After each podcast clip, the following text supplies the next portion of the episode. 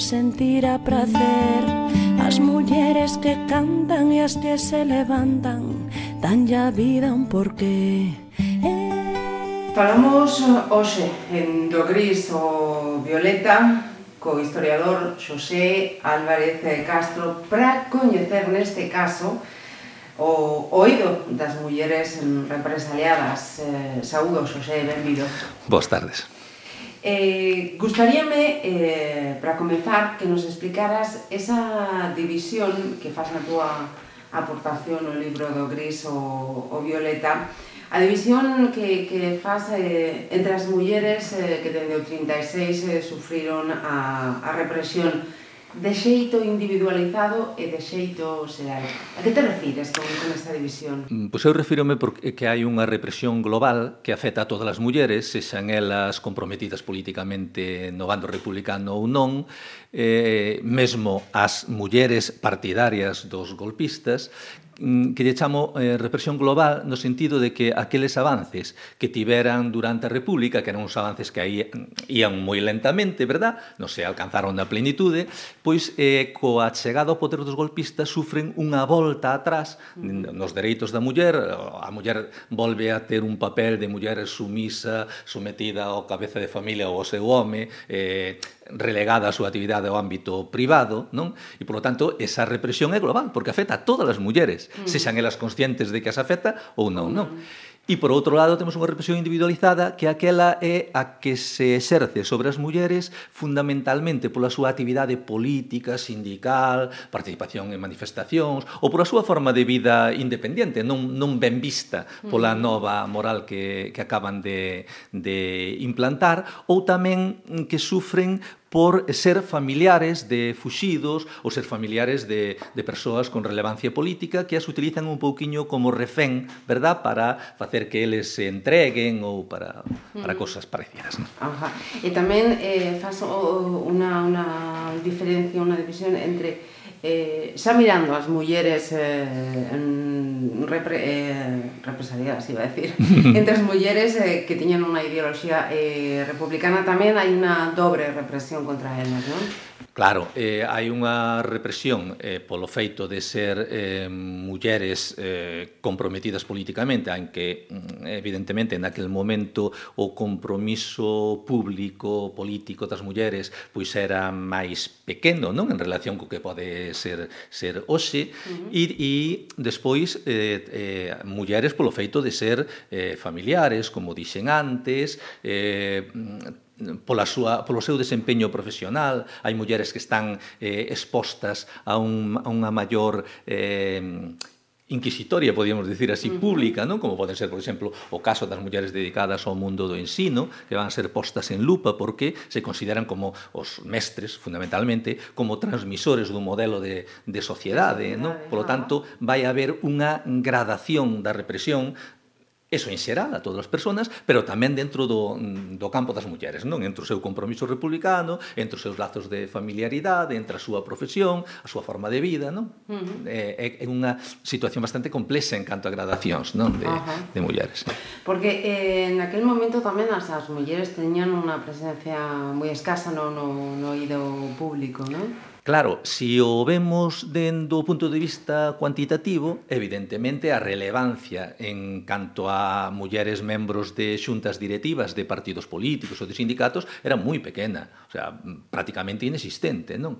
Eh, mesmo no, no plano sindical, por exemplo, nun campo como poden, podían ser as mestras, que mm, hai unha porcentaxe grande de mestras no, no, no campo do ensino, pois vai haber poucas encargos directivos, por exemplo, na Casa del Maestro de Pontevedra, pois vai haber un, un par delas, al, un par delas que tamén representantes da Asociación de Traballadores do, do, do Ensino, etc. Pero claro, Eh, nós aí non nos podemos deixar engañar polos datos cuantitativos, é que temos que partir da situación previa previa. Mm. Entón, a muller, eh, estamos pensando que levaba eh, en tempos da República 5 seis 6 anos de participación de cara ao exterior, cando os homes, por definición, non viñan ocupando eh, puestos públicos, viñan desenvolvendo unha labor relevante de cara á sociedade dende facía moitos anos atrás. Por tanto, mm. se si facemos esa consideración, vemos que o seu papel non é tan pouco relevante, porque claro, é como unha carreira. Ajá. Si pensas que van a salir do mesmo sitio, pero é que non salen do mesmo sitio, elas teñen que salir de moito máis atrás, mm. teñen un hándicap aí para, para ah. velo.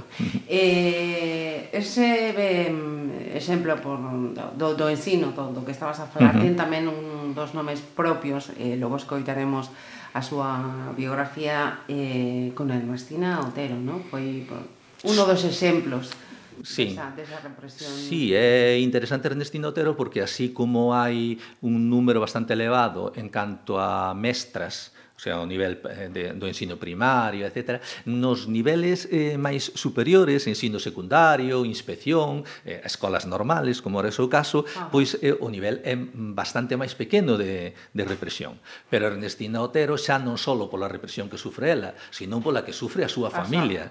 É unha familia moi comprometida, moi solidaria co resto de personas represaliadas. Eso dase en moitos casos, eh, de familias que mm, represaliadas que os, os, a súa vez vez eh, van a axudar moitísimo as, as que están na mesma situación. Mm. Chámame Ernestina Otero e durante a Segunda República fun a directora da Escola de Masisterio de Pontevedra, a Escola Normal, que tras o golpe de Estado militar foi convertida en cárcere, como unha triste metáfora do que o fascismo lle ia facer ao ensino acabáronse os programas nos que eu tan activamente colaborara, os cursos de reciclaxe para as mestras do rural, o fomento da asistencia das meniñas á escola, a promoción da educación de adultos. De feito, a miña implicación en todas esas cuestións levoume o dubidoso honor de formar parte da primeira listaxe de depuración do Distrito Universitario de Santiago, xunta xente da talla de Castelao ou Osorio Tafal. Foi só a primeira das moitas vexacións que tivo que soportar a miña familia. Ao meu home, Luís Pereira, foron buscalo a súa botica de Redondela e por negarse a darlles a alianza de ouro para a causa nacional, subiron ao casino e esmagaronlle o dedo dunha martelada. Ao meu irmán, Pedro, que fora alcalde, cortaron a metade do bigote e obrigaron a andar así polas rúas, con metade do bigote só. O pobre sufriu tantas aldraxes que morreu en novembro do 36 dunha doenza estomacal. No ano seguinte foi Luís, o meu home, o que marchou para sempre, incapaz de soportar máis agresións máis humillacións. Dez días máis tarde, cando apenas era capaz de respirar entre a dor da ausencia, fun separada do único que me mantiña en pé, a miña cátedra. Pero non me deixei vencer por eles, non. Convertín a carraxe en afouteza. Vertín as miñas ganas de ensinar nas pasantías, que apartada das aulas só podía dar na casa, e cos poucos cartos que me deixaban as continuas multas que me impoñían, saquei adiante a familia, e axudei no que puiden aos presos de San Simón, como se cada un deles fose o meu irmá Gustavo, o meu cuñado, José Pereira, presos tamén no cárcere navarro de San Cristóbal. Empreguei a carraxe en fregar con auga xixenada o sangue pegado ás roupas dos presos e convertín a rebotica do meu home nun ropeiro con que abastecelos de prendas. Pero nin toda a carraxe do mundo era capaz de desbotar a miseria que impregnaba o antigo lazareto. Rematada a guerra, revisaron o meu expediente e deixaronme volver a ser mestra, mais sen ocupar cargo directivo e lonxe da miña querida Pontevedra. Non puiden regresar a ela ata a década dos 50, cinco anos antes de que a morte, aquela bella coñecida, viñera a buscarme a redondela.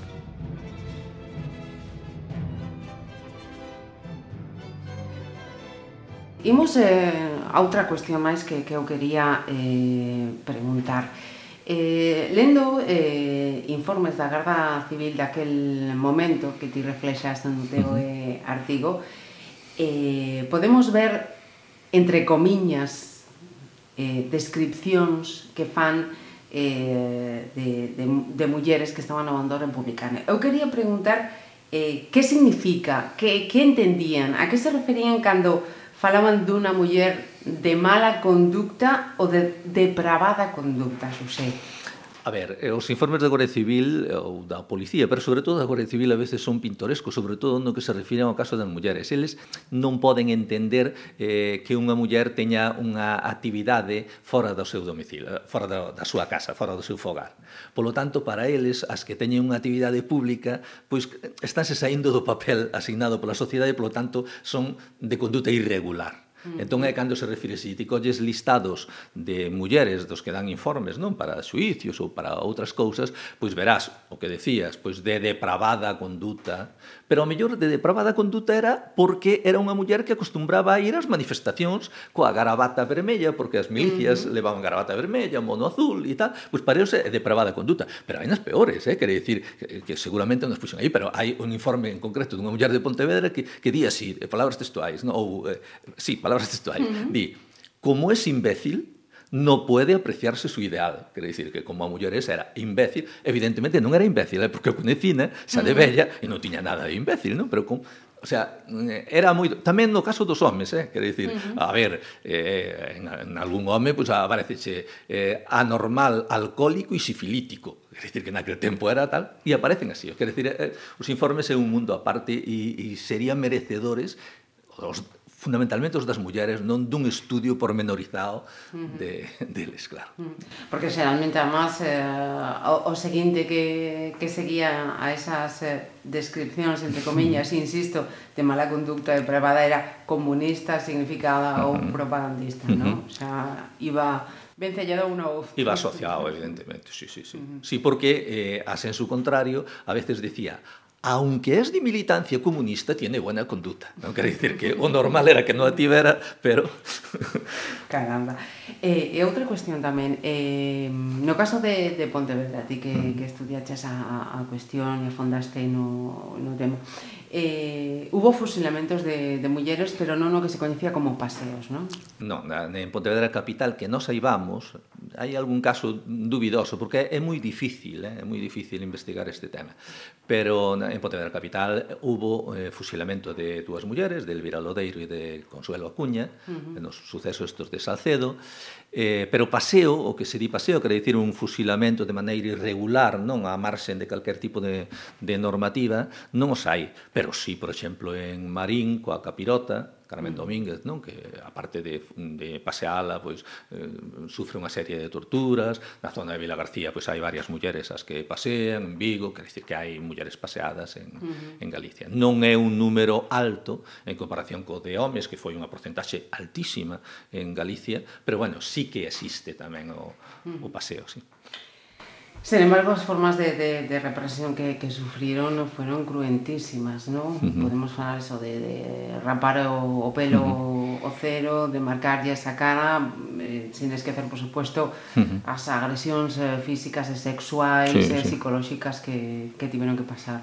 Sí, porque porque a muller eh, o que pretenden con este tipo de de mm, de castigos é un pouco marcala de cara á sociedade, quer dicir, dicirlle á sociedade, mira, eh, expoñémoste públicamente a esta muller a que lle cortamos o pelo, eh? Acordadevos, bueno, non sei, ti, pero algúns que temos unha certa idade, acordamos daquela canción que se cantaba, no pelona, sin pelos, cuatro pelos que tenías los vendiste de estraperlo. Mm. Era iba un pouco por iso, non? Eh, era ah. eh, meterse coas mulleres, non? O cortar o pelo ten ademais toda unha serie de connotacións, non? Entón, esta muller que ten o pelo marcado, pois ves, Isto é o que a conduta desta muller é a que non queremos como exemplo. Ou o de poñerlle o HP, por exemplo, o HP o os hermanos proletarios, que era un, un símbolo das manifestacións, sempre iban cantando iso, non? E, escribían o HP, pois eh, tamén o que facían era eh, marcalo con nitrato de plata, co que é unha agresión física que che queda ali e tal, ou a veces mesmo mesmo rasgando, non? Con a tixeira ou, ou no, no millor dos casos, xa, entre comillas o de millor, era marcar con, con, con tinta china medicina, non? Eh, despois tamén a ingestión de aceite de rícino, non? Que, que era unha forma tamén de provocar descomposición e depois facelas pasear para que a xente, non? Eh, as mirara, uh -huh. non? Para, para degradalas públicamente.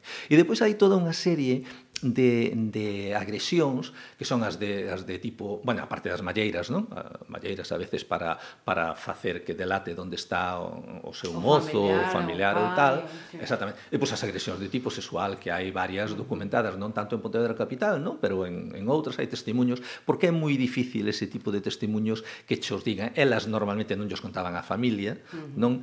E, e evidentemente, claro, aí temos un... Pero sí que hai, eh, nese tema estou traballando un pouco, e hai denuncias deses anos a destacados eh, represores, non? Uh -huh. Donde se acusan dese tipo de denuncias que depois non siguen, a ver, non se castigan, pero que sí que os juíces militares sí que lle dan curso, eh? Uh -huh. É dicir, e se interroga a xente, entón ti sabes o que pasou, pero ao final dice, bueno, en aquellos momentos, aquellas circunstancias, pois pues, non se sanciona, ah. pero entón sí que había, sí, sí.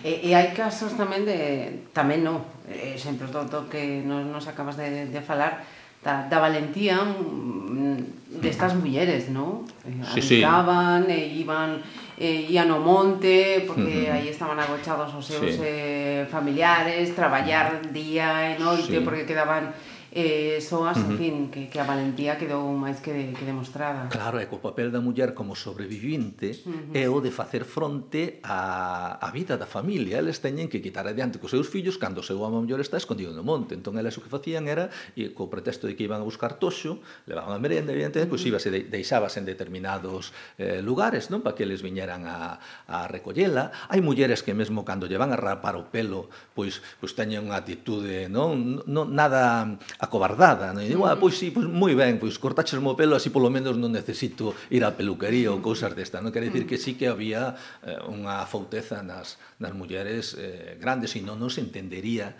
como se sa saíron adiante moitas familias se non fora polas mulleres, non? Uh -huh. Moitas dedicadas ao extraperlo. É dicir, é outro tema que pasa que a veces está oculto nesta, bueno, nesta cidade e en outras, non? Uh, os, os, o, o pequeno extraperlo, porque o gran extraperlo era o que facían os grandes jerarcas, non? para elas esos 5 ou 6 kilos de café, esa fariña que traían da lá da zona do interior para venderlle as familias de Pontevedra que non tiñan, ese sobreprezo. E chamoume a atención tamén de sinalas o wolframio.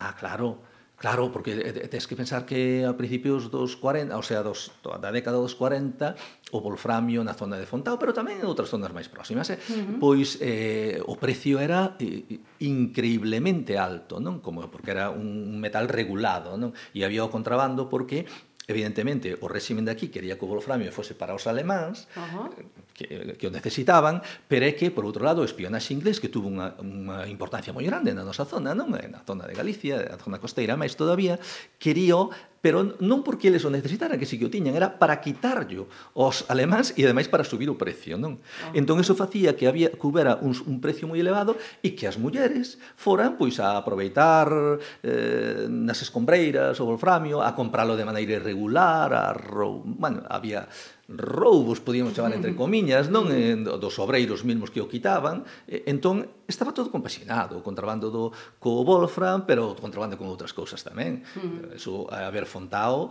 eh, ali tuvo miles de persoas, e hoxe en día vas ali aquelo, non mm. entendes, 60 tabernas creo que tivo, o sea, claro. unha cousa.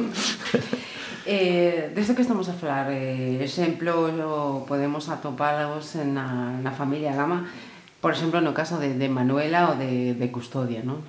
A ver, a familia Gama, eu teño un cariño especial para a familia Gama, porque ademais debía ser un dos primeiros que escribeu sobre esa familia, porque é unha familia represaliada Buf, unha dos exemplos de represión máis grandes que hai en Pontevedra, é dicir, ao seu irmán Faustino aos 28 anos, oh, perdón, aos 20, 20, menos de 20, 20 algo anos eh, fusila no, sin facerlle xuicio, non? Pa, pois, pasado polas armas por, por incumplir os bandos de guerra, en teoría. O seu irmán Manuel vai estar fuxido condena, que fora concelleiro en Pontevedra, eh, condenano a morte despois a 30 anos, está no penal de Valdenoceda lá en Burgos unhas condicións terribles, Alejandro está fuxido, depois foi condenado, encárgase de reconstituir o Partido Comunista en Coruña, no ano 48 volven a detelo, mm, o torturan, bueno, é unha cousa eh, increíble, e a custodia van a empleala un pouco como refén eh, no, no cuartel dos cívicos aquí na, na Plaza de Barcelos para obligala que non consiguen, non? Pero para obligala a decir onde estaban escondidos os seus dous irmáns que estaban comprometidos, Alexandro e,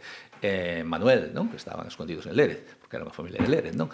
E, e claro, eh, a ela vai, vai sufrir todo tipo de, de, de vexacións, non? De cortado de pelo, de facela andar polas rúas barrendo, Son Custodia Gama e fun víctima da represión franquista. Funo eu, e foino toda a miña familia. O golpe de Estado levou á prisión os meus irmáns Manuel e Alejandro e costoulle a vida a Faustino. Xa en xullo do 36, a miña irmá Adelina colleu un barco e marchou para a Argentina, deixando atrás os fillos, o home, o negocio. Nada máis chegar alá, tiveron que ingresala nun sanatorio mental e ali estivo dous anos. Eu, aquí, estiven privada de liberdade tamén, Os cívicos detiveronme e tiveronme 40 días nun cuartel e máis no cárcere. Mallaron en mí, rapáronme. Querían que lles contara onde estaban os meus irmáns, pero eu non dixen nada. Logo foron por Estrella Portela, a moza de Tino, e tamén a raparon e tatuaronlle na fronte as siglas UHP, porque o último primeiro de maio fora con ela a manifestación e berraban xuntos uníos hermanos proletarios. Ela non o delatou. Era o seu avó o que o tiña agochado, mas non dixo nada. Tampouco fixo falta. Cando el tal viu, cando mirou as marcas na fronte e o pelo cortado, dixo que se entregaba, que non ia deixar que lle fixeran máis dano. Fusiláronno, matárono ao pouco, o mesmo día dos santos inocentes, porque el tampouco era outra cosa. Como Manuel, como Alejandro, pero iso non evitou que os levaran presos. A Manuel detiveron no axiña, entre unha cousa e outra, estivo no cárcere sete anos. Pero peor aínda foi o de Alejandro, que xa era nos anos 60 cando saiu do calabozo. Ademais da liberdade, roubaronolo todo, os negocios, os supermercados. Son custodia da familia Gama, a máis perseguida pola barbarie de todo Lerez.